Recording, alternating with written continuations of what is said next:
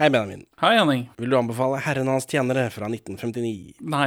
Vil du, Henning, anbefale Herren og hans tjenere fra 1959? Nei. Sitter dere her og ser på ballet? Er ikke det litt perlig forsvinne? Hæ? Kom inn her så vi kan få snakka. Det er så mye folk der ute.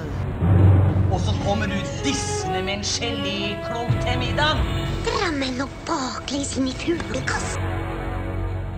Dette her er jo perleforsvinn!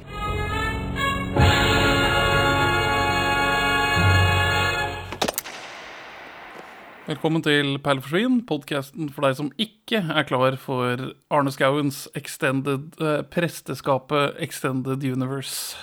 Vi er to middelmådige menn i 30-åra som ser norske filmperler, og i dag så er vi hjemme hos Benjamin Mann og spiller inn, derav den varme, gode romklangen.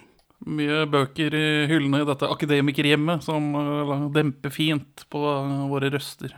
Mange høyttalere rundt omkring uten spesiell funksjon. Det Der har du kobla opp alle sammen? Det er bare to høyttalere i rommet som ikke er kobla opp akkurat nå. Bare to, ja. To. ja. Og så er jeg døende, så da er det tatt. Derfor høres jeg rar ut. Men Arne Skouen sommer volum to triller av gårde. Det går ikke an å stoppe det toget. Uansett om folk er sjuke, eller om vi ikke har tilgang på studio. Så herren hans tjenere, Ja. Aksel Kielland. Barnebarn av oljeplattformen. Alexander Kielland. Ja, forfatteren Alexander Kielland. Barnebarnet hans, eh, journalist og både den andre. Han, Dagbladet-journalist. Den eh, gjeve tittelen Dagbladet-journalist. ikke nå lenger, men eh, det, jeg tror det var noe før. Det tror jeg jo. Ja. Det er han som har skrevet dette teaterstykket som de har gjort om til film. Mellom 1932 og 1946 så var han gift med tanta til Lars Mjøen, Sonja Mjøen. Denne Mjøen-slekta er jo svær, som vi vet. Ja, ja, ja, et eller annet sted litt lenger opp i Mjøen-slekta så har de vel gjort et poeng av å spre sine gener. ja. Ja. Det har vært viktig. Det er liksom på et eller annet Familieslagordet på latin er vel 'spre genene for vinden', tipper jeg. Eh, han Er de, er er de blonde i det hele tatt i Mjøen-slekta? eh, Nei, ikke som jeg vet, men det har jeg ikke sjekka. Jeg tror ikke Han er ikke spesielt blond, han eh, surputten. Er han det? Lars Mjøen, det ariske idol. Jeg vet ikke, Men grunnen til at vi snakker om det nå, må vi forklare det. For nå har du lagt på så veldig mye. Tenkte det skulle være en liten sånn inside joke, ja, men du bare bygger og bygger. For du kan ikke slippe en sånn uh, eugenikk-vits. Nei, bestefaren til Lars Mjøen er uh, en av evgenikkens fedre. Ja, I hvert fall i Norge, om ikke det er det utover Norge også. Ja, han Nedover til Tyskland og sånn, selvfølgelig. Ja, da, han, uh, han var en stemme i Europa òg, slik jeg har forstått. Ja, Men Aksel Kielland, da. En helt annen fyr. Det, han er nok en forfatter, journalist, teatergubbe. Det begynner å bli mange sånne folk i Arne Skouen sommer nå. Og ifølge Wikipedia så skriver han skuespillet 'Hvis et folk vil leve i eksil i Sverige' i 1943, om den norske motstandsbevegelsen. Og fordi stykket var såpass antitysk, så ble det etter to oppføringer forbudt av den svenske regjeringen fordi den tyske ambassaden la ned protest. Tanker, du som bryr han sånt. Typisk Sverige. Men altså, de har jo denne vanskelige nøytraliteten da, som de tjener maksimalt med penger på. Ja, det er det som er så fint. Eh, men i 1955 så skriver han dette skuespillet, da. Aksel Kielland, herren hans tjenere, og det filmatiseres her i 1959. Skuespillet, og dermed denne filmen, er basert på Hellander-saken fra Sverige, Ja, jeg, jeg har tittet så. hvor biskop og professor Dick Hellander, svensker, i 1954 ble fradømt biskopjobben.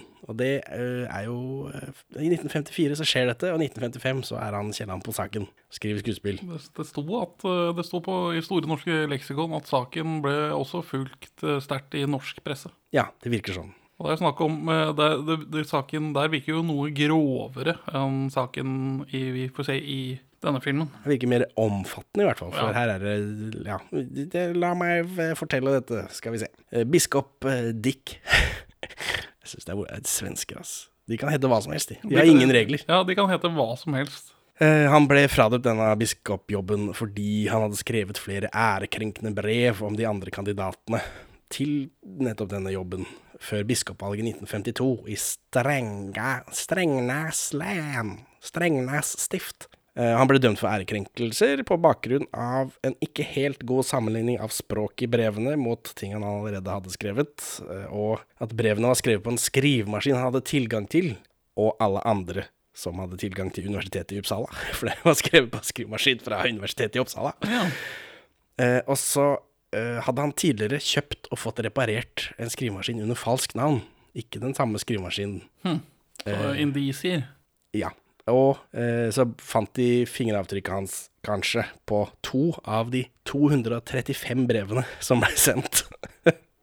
For i denne filmen så er det vel ikke snakk om så mange. Det er snakk om to, tre, fire brev Ja, til er, én fyr. Nei, han, de, de, han sier han har, eh, at han har brukt en sånn eh, motstandsavis-kopimaskin Ja, ja, og sendt ut i 35 kjente kopier. Sier vel han som brevet omhandler. Ja, for her er det 235 brev. Eh, så han blir dømt, da.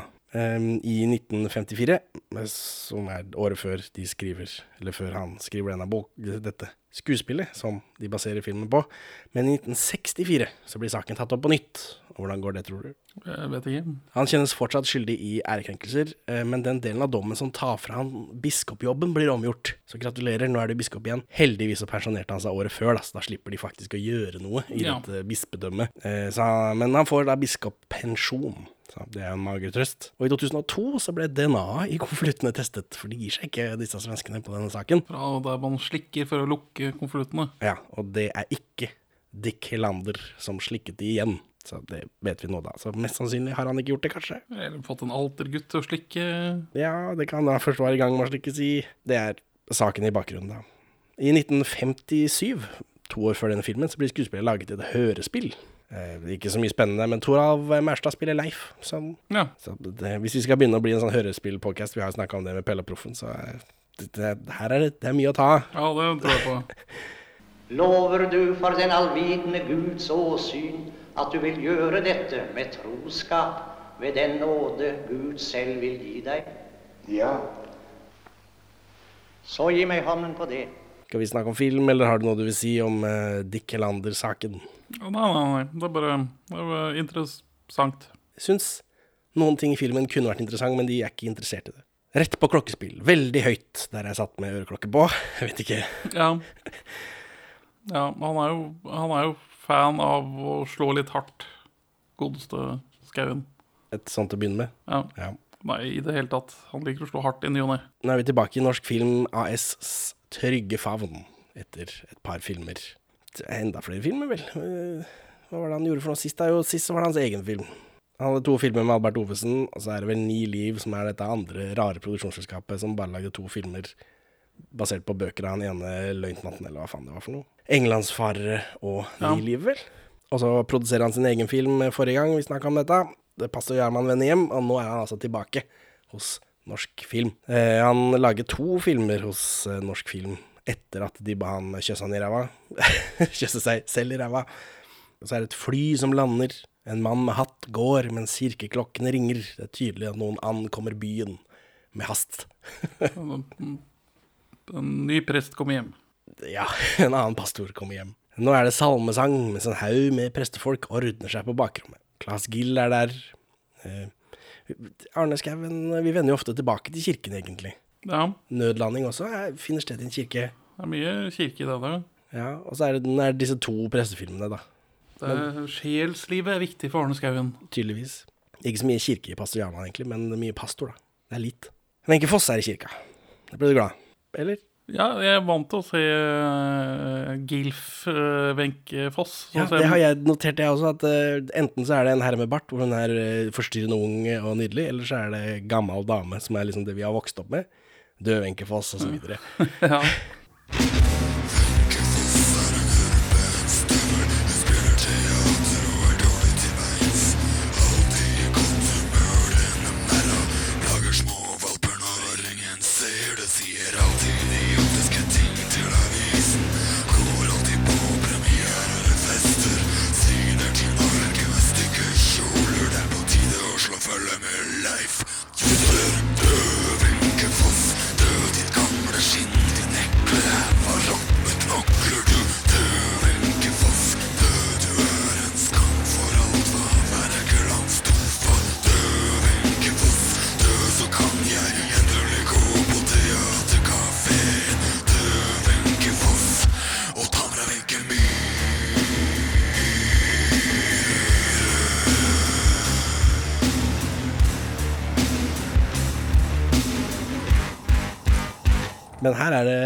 Her er jo i 40-åra, da, eller? Ja, Her er et sted midt i som jeg ikke har sett så mye. nei, det er jo interessant.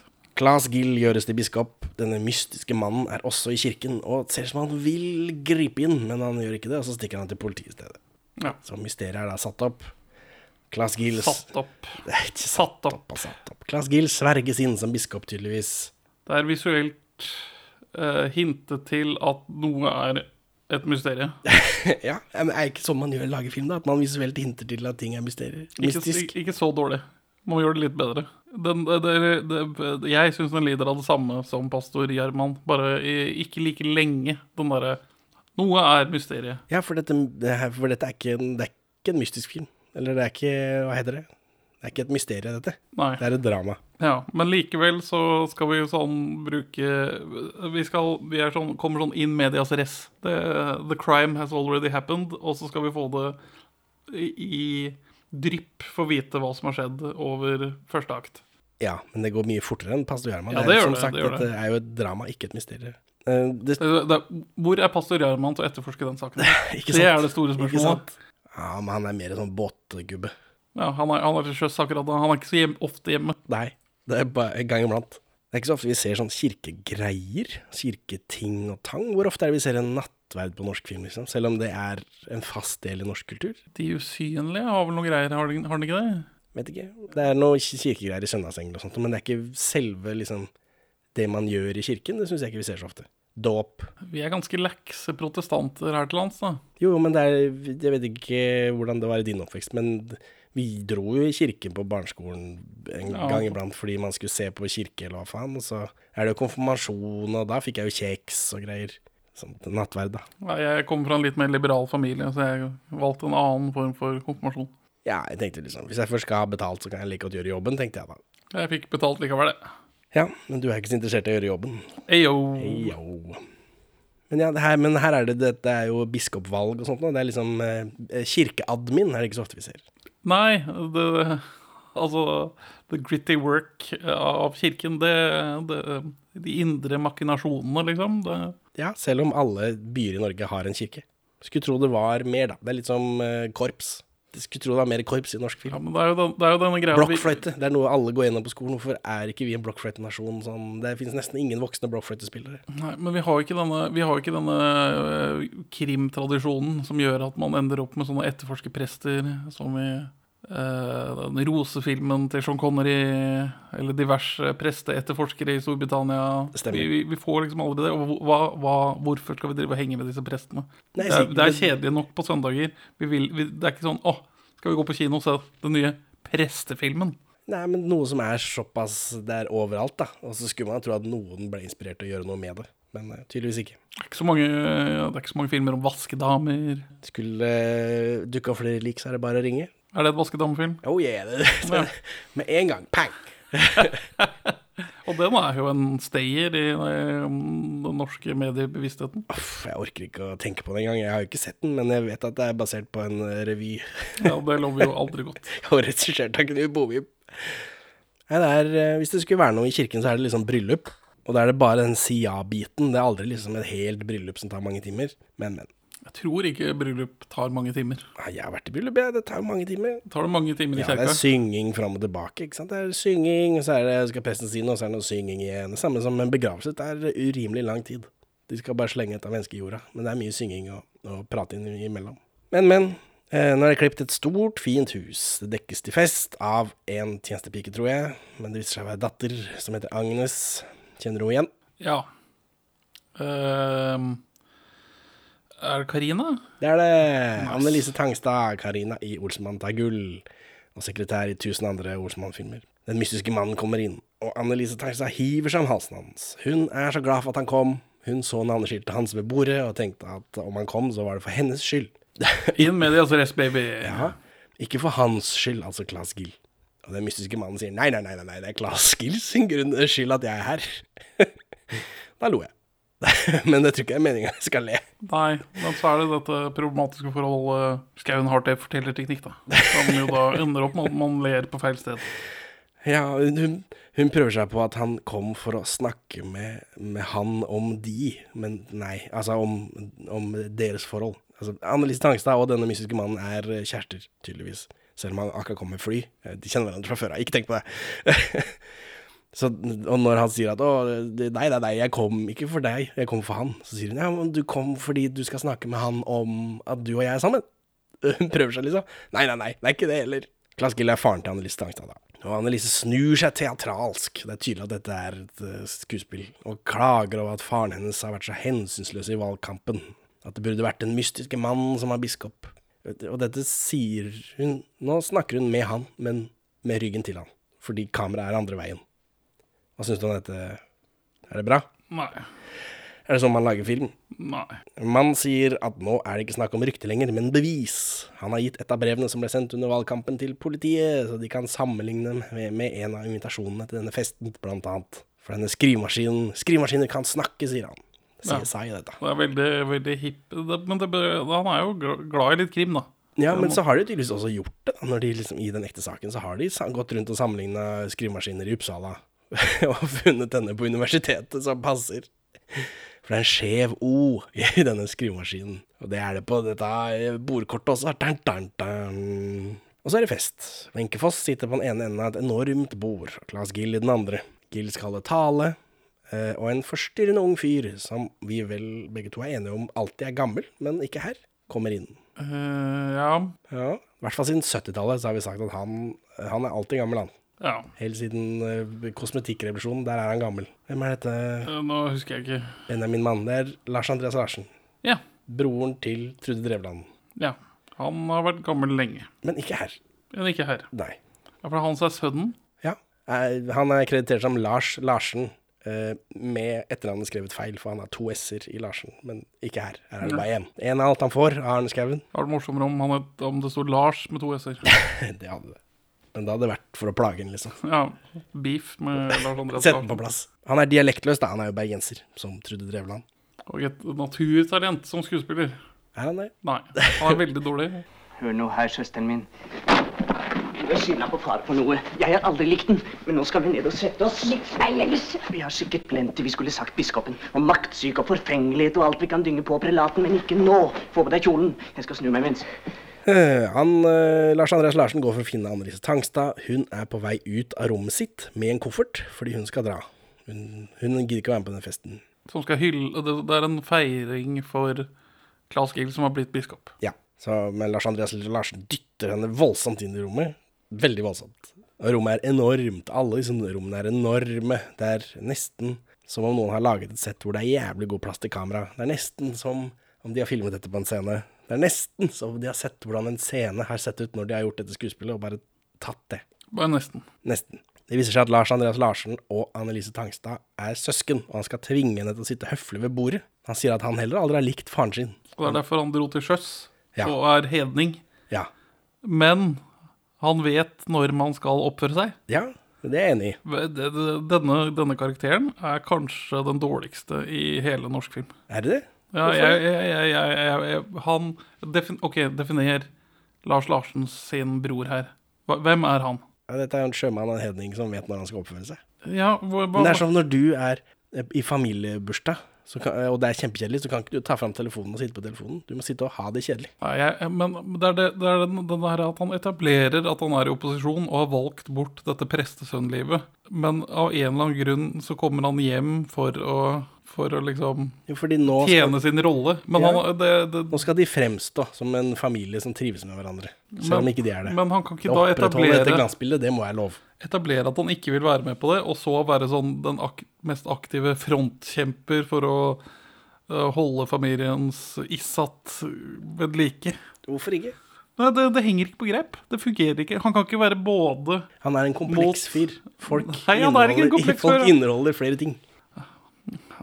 Vi får ikke se noe kompleksitet. Vi får bare se at han, han sier en gang at han har noe kompleksitet, og så viser han det motsatte resten av filmen. Familiens ære kommer over det, det meste. Lars Andreas eh, vil tvinge Annelise til å ta på seg en kjole. Og så snur han seg, som er høflig, da, for at hun skal kle på seg en kjole. Og midt i middagen så kommer denne mystiske mannen for å hente Gill, så da må Gill gå fra bordet, eh, og da går han inn i en, en nytt, enormt rom. Gill, denne mystiske mannen, og Annelise Tangstad Og Lars Andreas Larsen har en konfrontasjon i dette nye, store rommet. Her får vi vite at den mystiske mannen heter Arvid. Han er spilt av Georg Løkkeberg. Alle i norsk kulturliv er i slekt, så han er til Vibeke. Nei. Onkelen til Vibeke. nei. Bestefaren til Vibeke. Eh, hennes eh, svigerfar. Ja. ja, for hun er ikke født Lykkeberg. Nei. Nei, hun er Altså, han er faren til Pål Løkkeberg, som var gift med Vibeke Løkkeberg, og så beholder hun navnet hans etter at de skiller seg. Ja. Nå får Claes Gill vite at Arvid og Annelise Tangstad er glad i hverandre, som de sier i, i sitat. ja. Kode til meldingen 'glad i hverandre'. Ja, så da tror Gill at det er derfor han blir forstyrra midt i festen. Fordi Arvid kommer for å be Claes Gill om uh, Annelise Tangstads hånd, og han får den. Ja, Han får den. Ja, Gil blir sinna og irritert, men han respekterer det sånn mann til mann.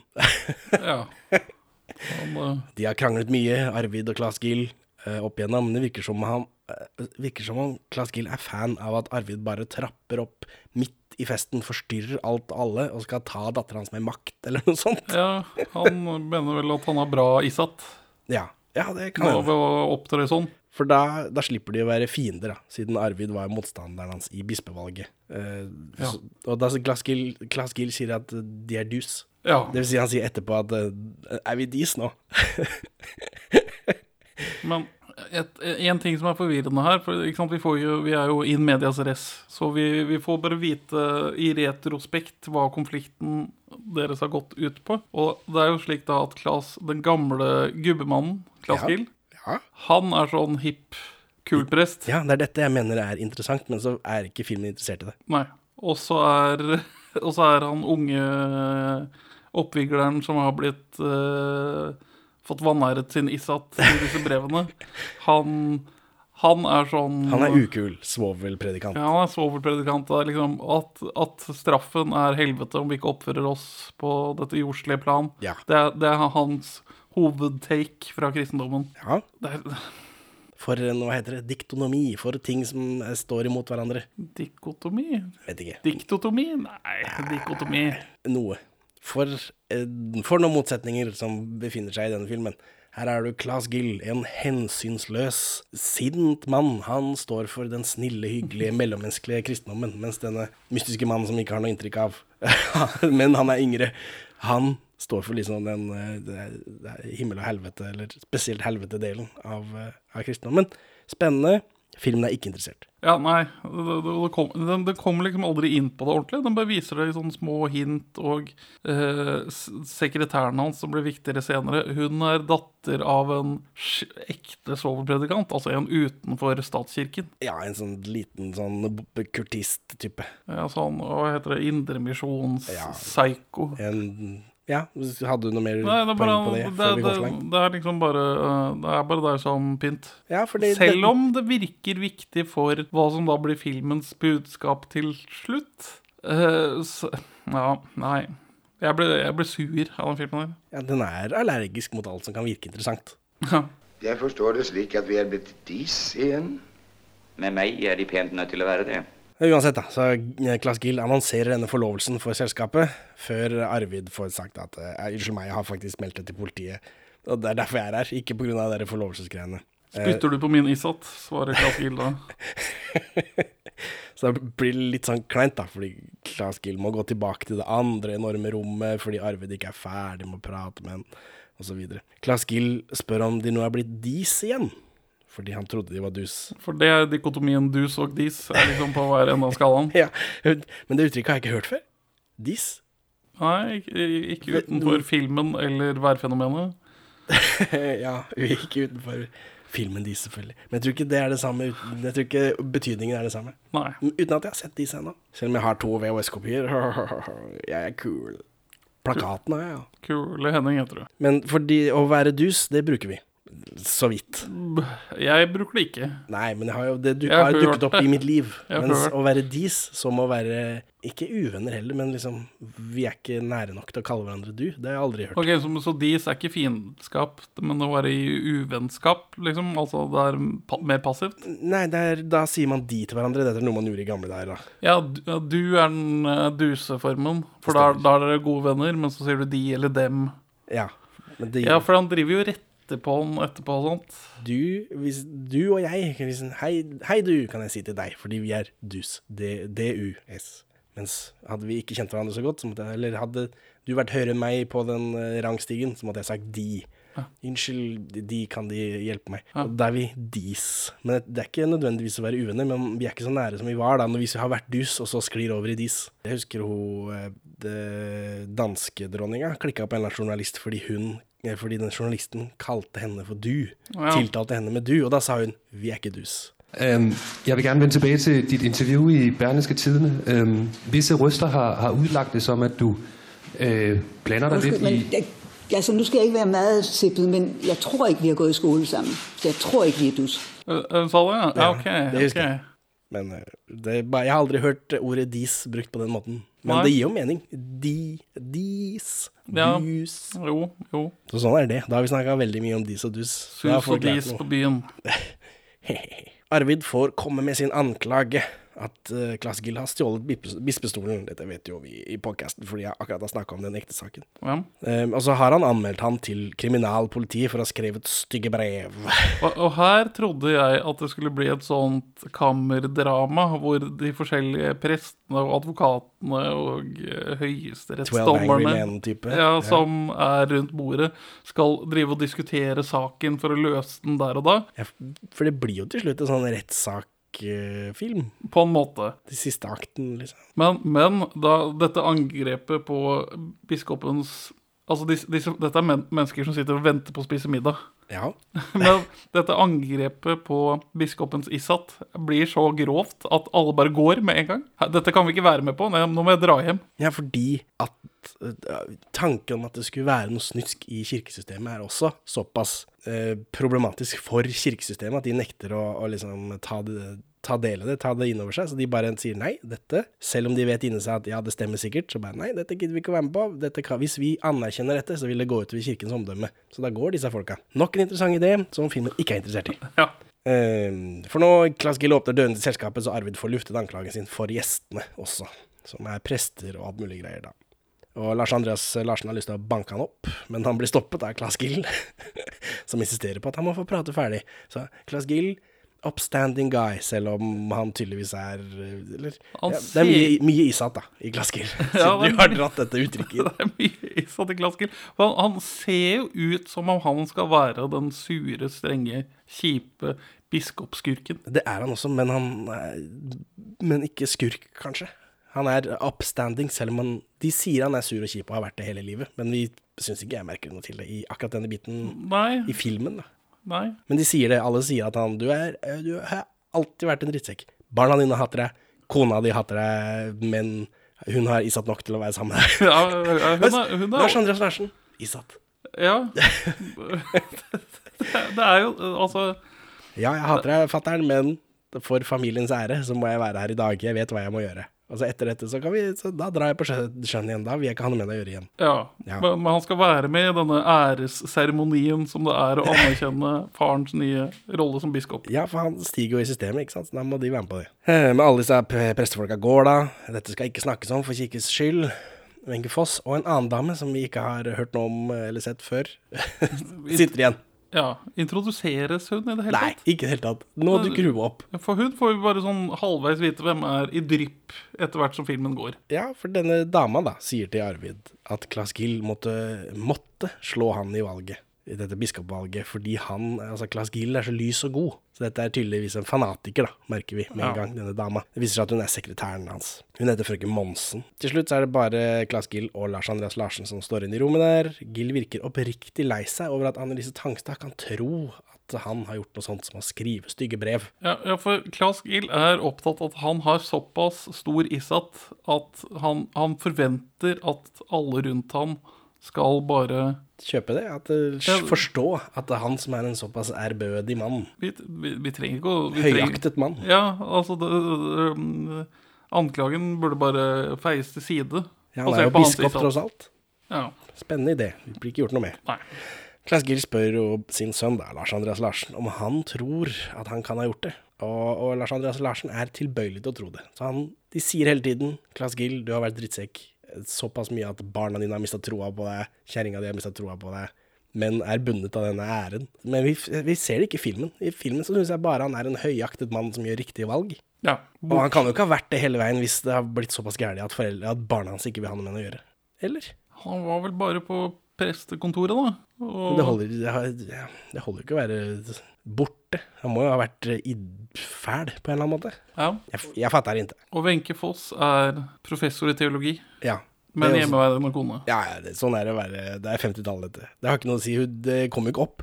Annet enn Det blir nevnt av en eller annen grunn. Nei, hun, hun- hun bruker det jo når de har korte teo, teologiske debatter. Jo, men det har ikke noe med filmen å gjøre. Jo, det, det, hun påvirker jo valget Claes Gill tar i Ja, til etter filmens ja. vendepunkt. Ja, ja, ja. Det er til slutt, ja. Men jeg tenkte sånn her. Så for eh, Wenche Foss spør Gill om han har skrevet det. Men så tror hun ikke at han har gjort det. Og han blir forferdet over at hun, hun kan spørre om noe sånt. Han som Ja, har, han- så, han, som har, så, mye isatt. Ja, men han- men han, han skjønner jo det. Ikke i noen ledd, ikke noe politi, ikke i rettssaken. Han bare nekter å tro at hvorfor, hvorfor skal vi snakke om det her? Ja, det, det er, Hvorfor- hvorfor kjenner du ikke meg? Det er Claes Gill. Jeg er biskop. Du skjønner vel at ikke jeg har gjort dette. Så hun kaller karrieren hans for farlig. Jo eldre Wenche Foss blir, jo høyere akter hun Gud og forakter hans tjenere. Men ikke Gilla, for de skal være gift. Ja, men der Fordi han er rettskaffen mann, men tydeligvis en drittsekk likevel. Ja. Nei, hun, hun, hun utstråler forakt for Gill, men samtidig liksom respekt. Ja, for han turer jo fram på en veldig Har tydeligvis gjort det. Problemet er at vi får ikke sett det. Nei. Show, don't tell. Hvor gammel er Wenche Foss her, tror du? Når vi snakka om det i stad? 41. 42. Uvant å se. Hun sier at Gill har albuet seg frem til bispestolen, at han har gått så hardt frem at det ikke er utenkelig at han kunne skrevet disse brevene. Hun beskylder ham for å ha jesuittenes moral. Og det jesuittene tåler vi ikke så bra her i Norge. Nei, det er sikkert kjemperasistisk, har jeg skrevet. Men eh, hensikten helliger midlene, sier hun. Og jeg forbinder sitatet selvfølgelig med Machiavelli og The Prince, fyrsten. Ja. Den boka ble utgitt i 1532, mens jesuittordenen blir stiftet i 1534. Så kanskje de er blanda sammen fordi de har dukka opp omtrent samtidig. Kanskje har de den moralen, hva vet vel jeg. Jesuitter har historisk sett vært opptatt av undervisning og vitenskap, som høres jo kristelig ut. Men er ikke de jeg, liksom veldig kort oppsummert, da, er ikke jesuittorden bare veldig aggressiv katolisisme? Altså, vi, vi skal ikke spre Guds ord kun gjennom å være fromme og veike. Vi skal også organisere oss og prøve å vinne terreng. Ja, det er dette med undervisning og vitenskap, da, med eh, Altså kliner de på Gud, Gud, Gud. Men det, grunnen til at folk hater de, tror jeg, er fordi de driter i biskoper og hele systemet. De er bare opptatt av pave. Ja.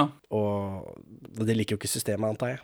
Og så har vi ikke katolisismen i Norge, da. Nei, og det, da. Eller ja, det er derfor vi nordmenn ikke liker dem. Men sånn, nekter de adgang til riket sammen med andre grupper vi har problematisk forhold til. Det kan jo ha rokket ved lokale maktstrukturer, da, at de bare bryr seg om pave og ikke resten. Og gjort de upopulære derfor.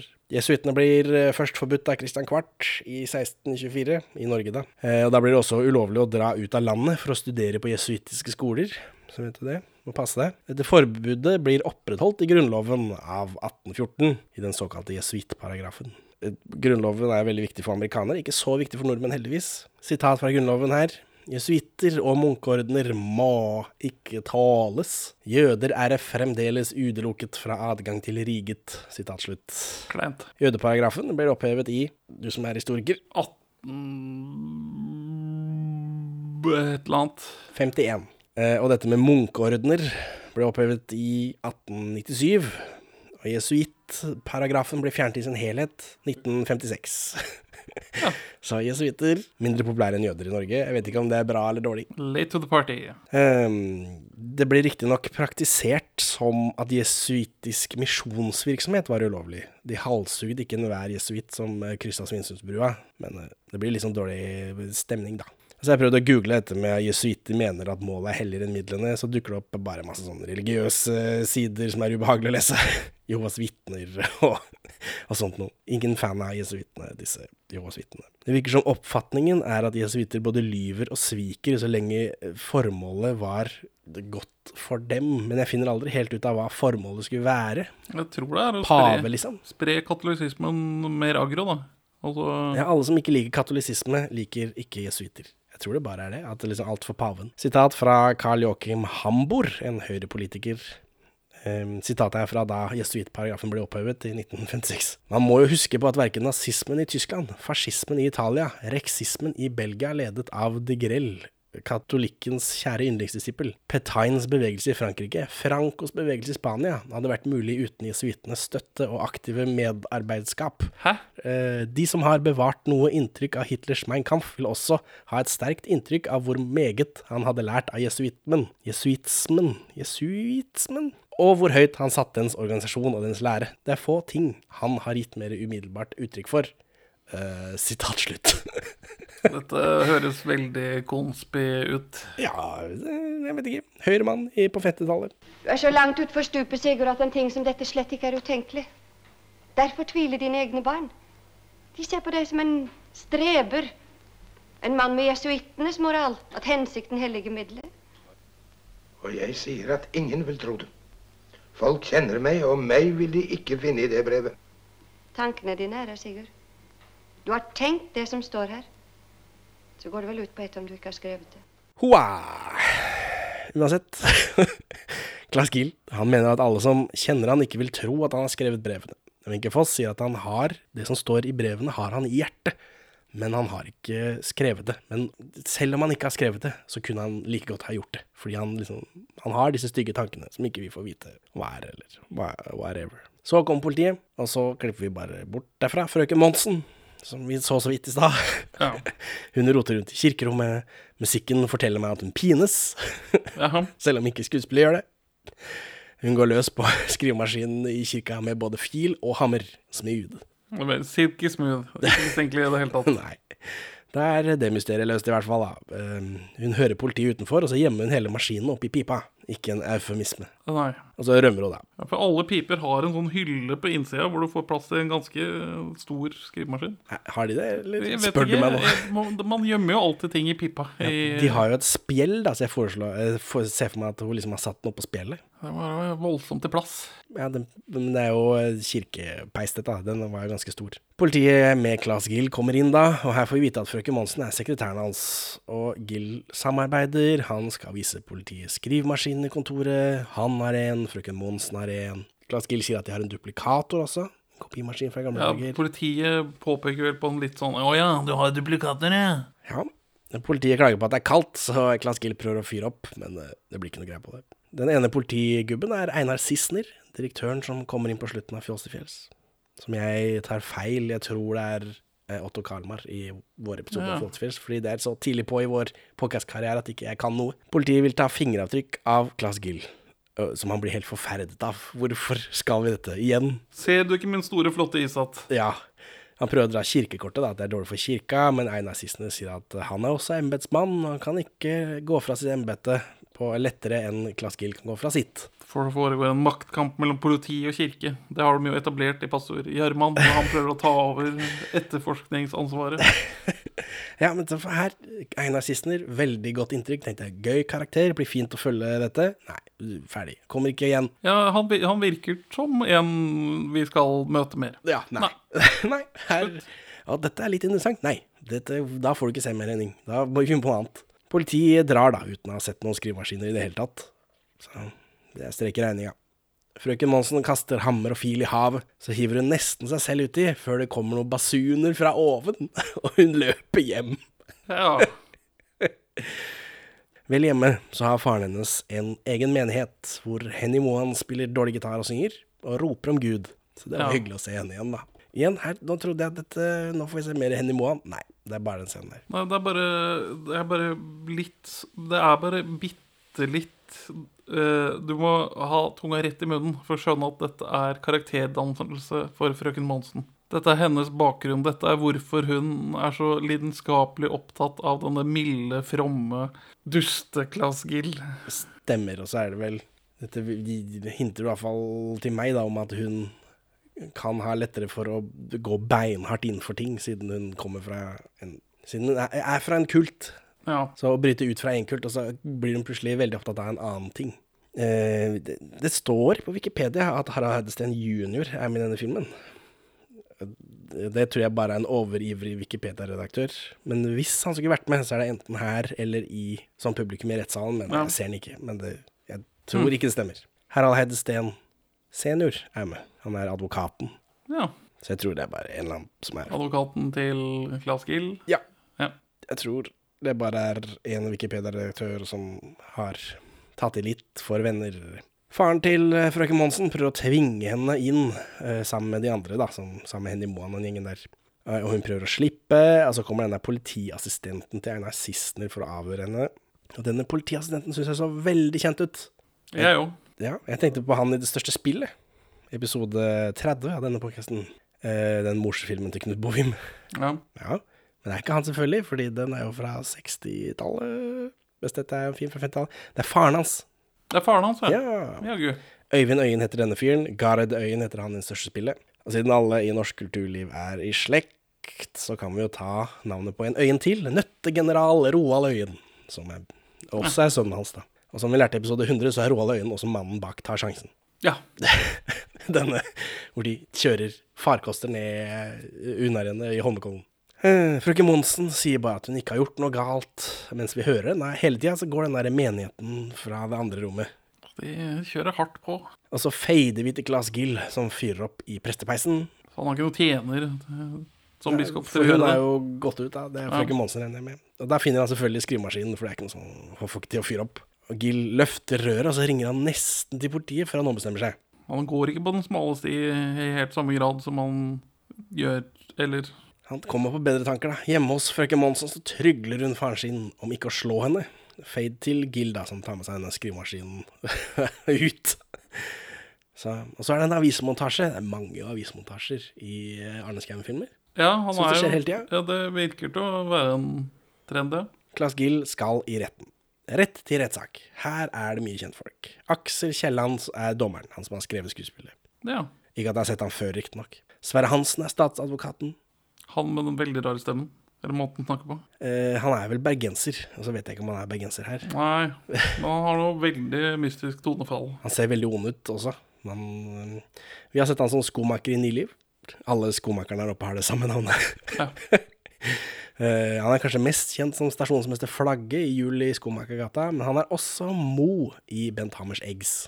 Som du ikke har sett, fordi vi skulle på kino og se den, eh, og så kom aldri du. Ja. Harald Heidesteen spiller forsvareren. Ikke junior, men senior. Erik Lassen, regissøren av kontorsjef Tangen og sjefen i Pilen flyttebyrå, eh, sitter blant journalistene. Og blant journalistene så sitter også TV-pioner, både i NRK og i privat TV-produksjon, Jonny Berg.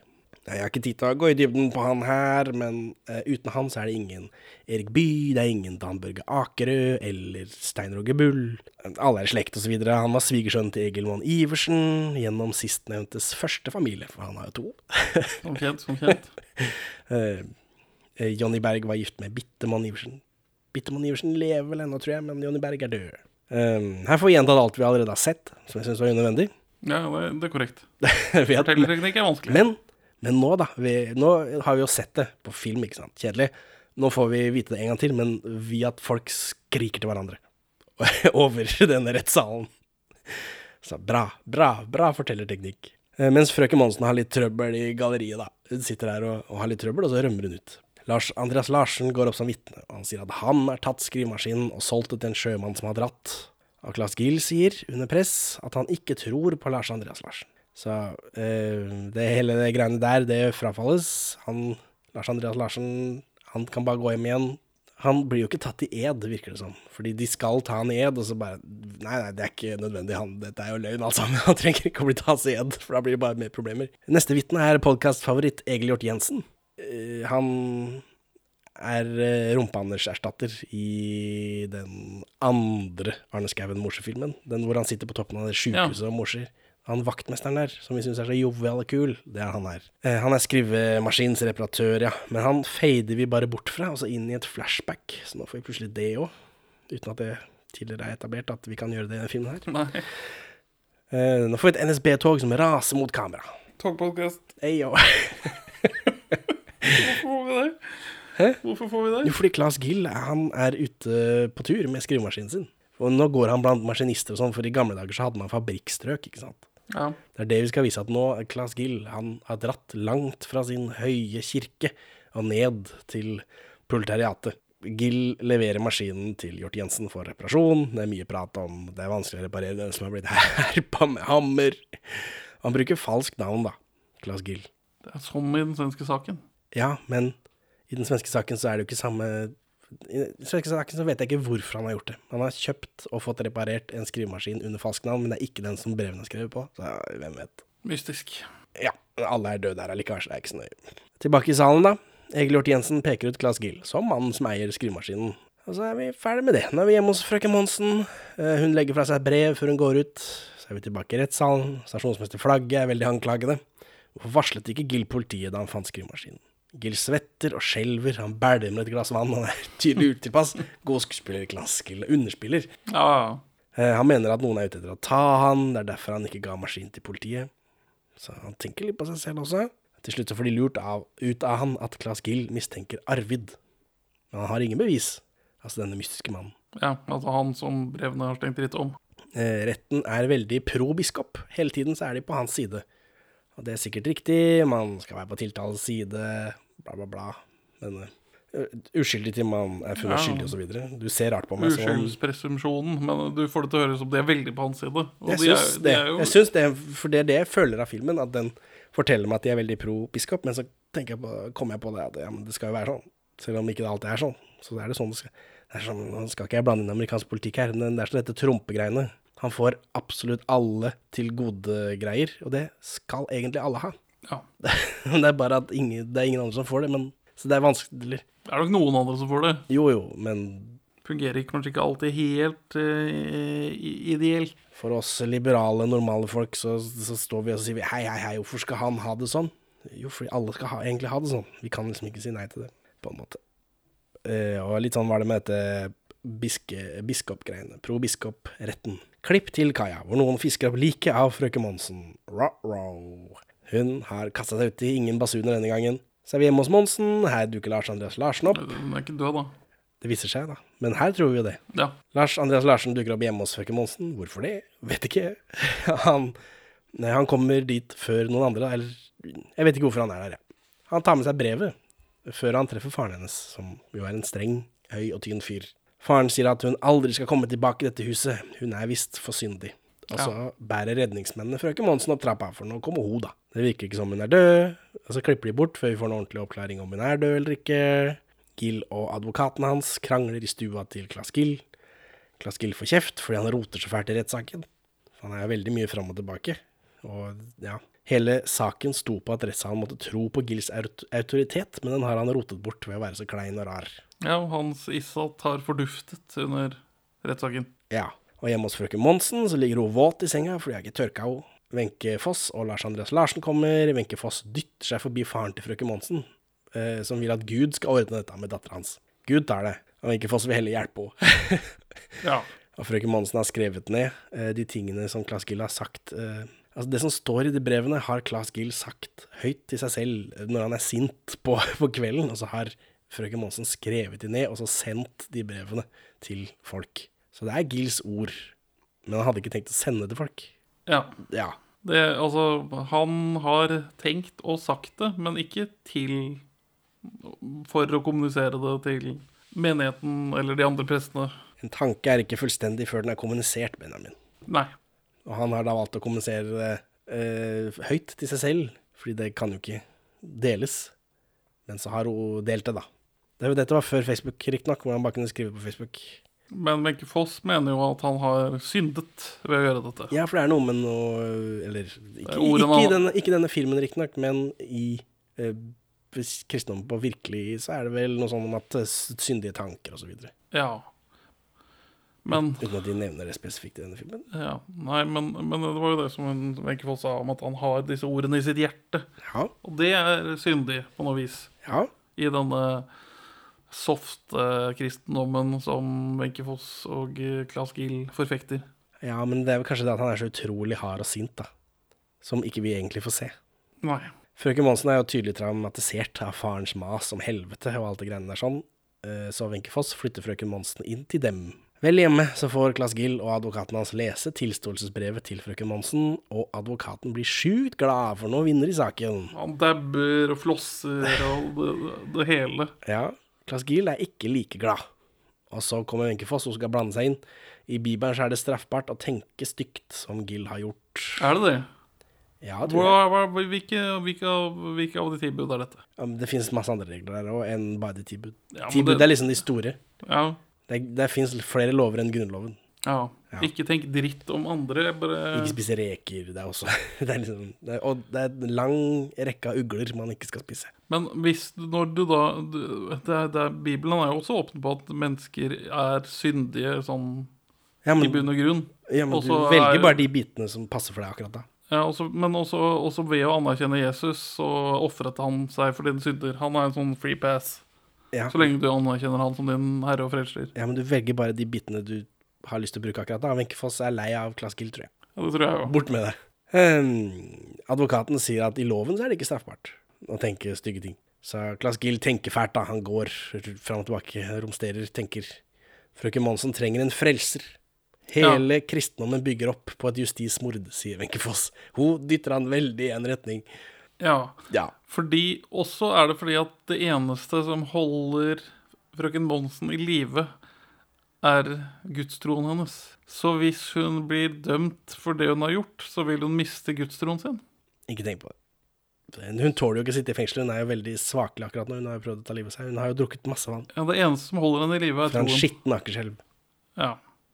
Men, men, men for, Kla- Men Klaus Kiel er liksom enig.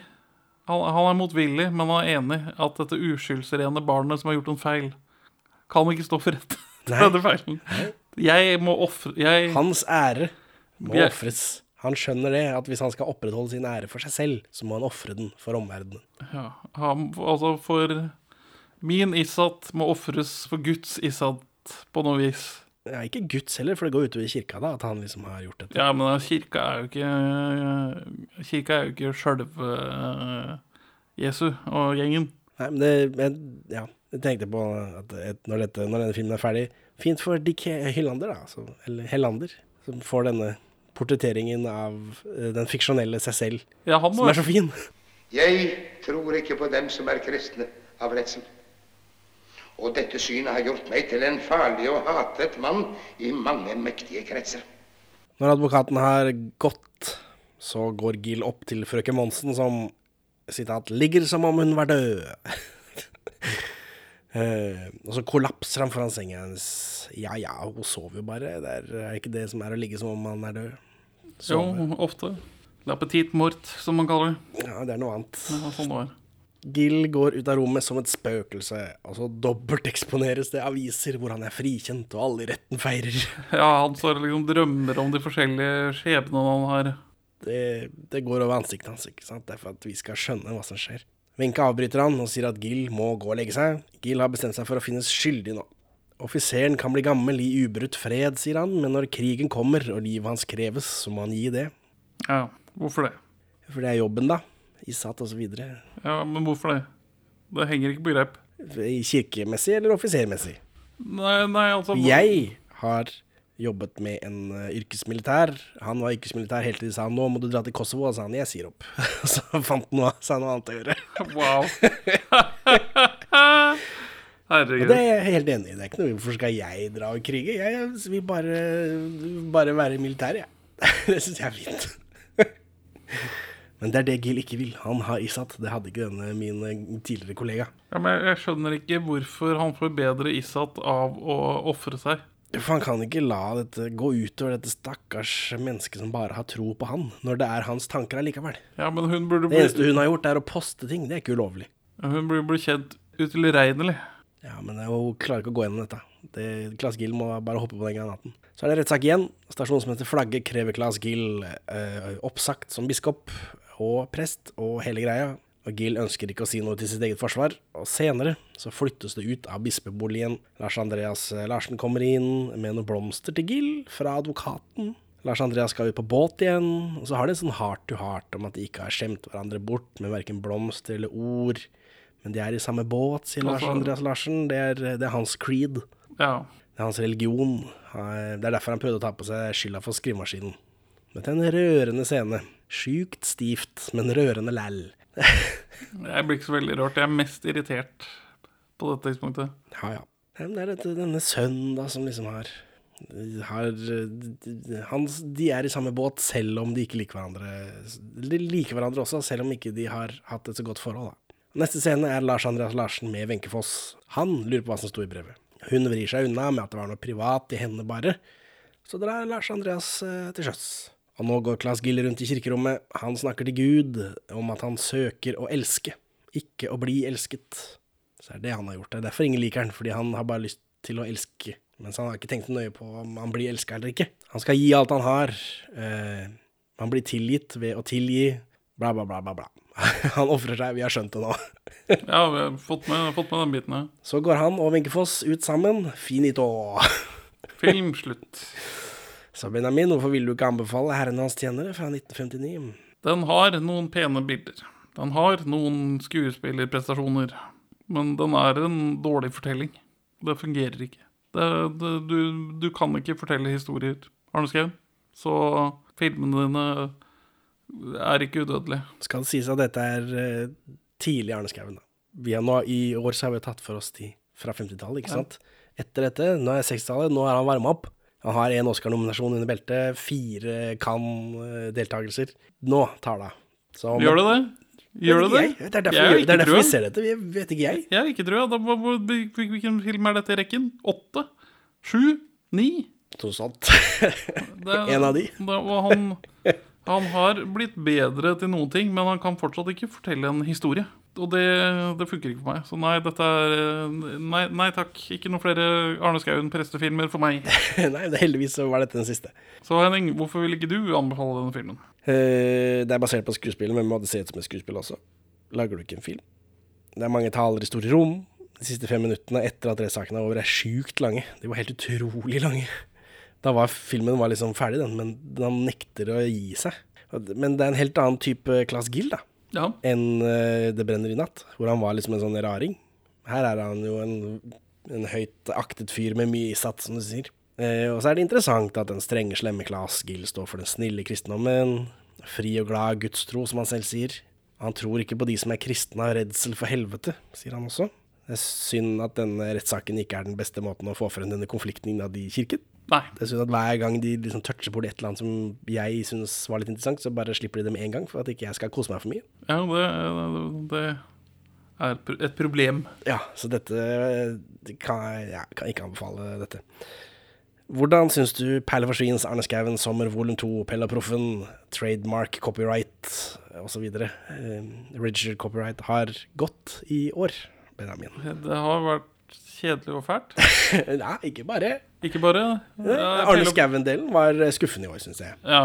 Uh, altså, jeg har grått meg til å godkjenne Det brenner i natt, bare. Og ellers er det ingen av oss som vil se noe av dette. Nei.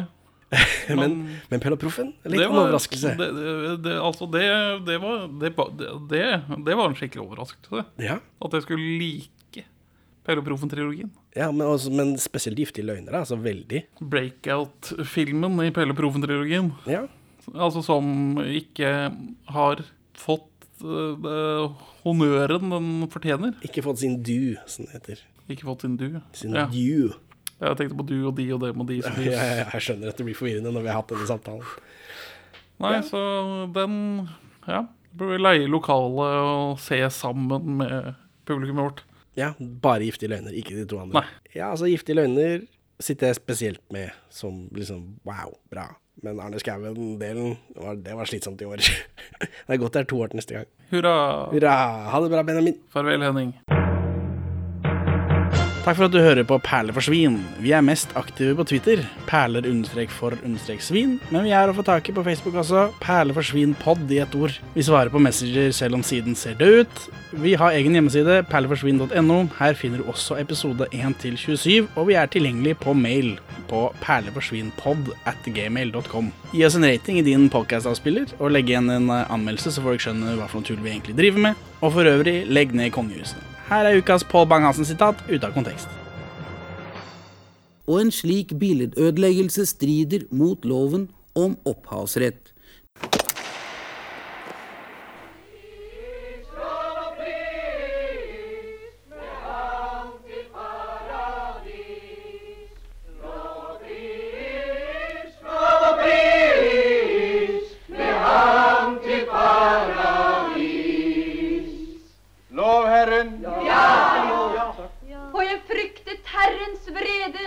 for min synd var uten grense, og min sjel i djevelens makt.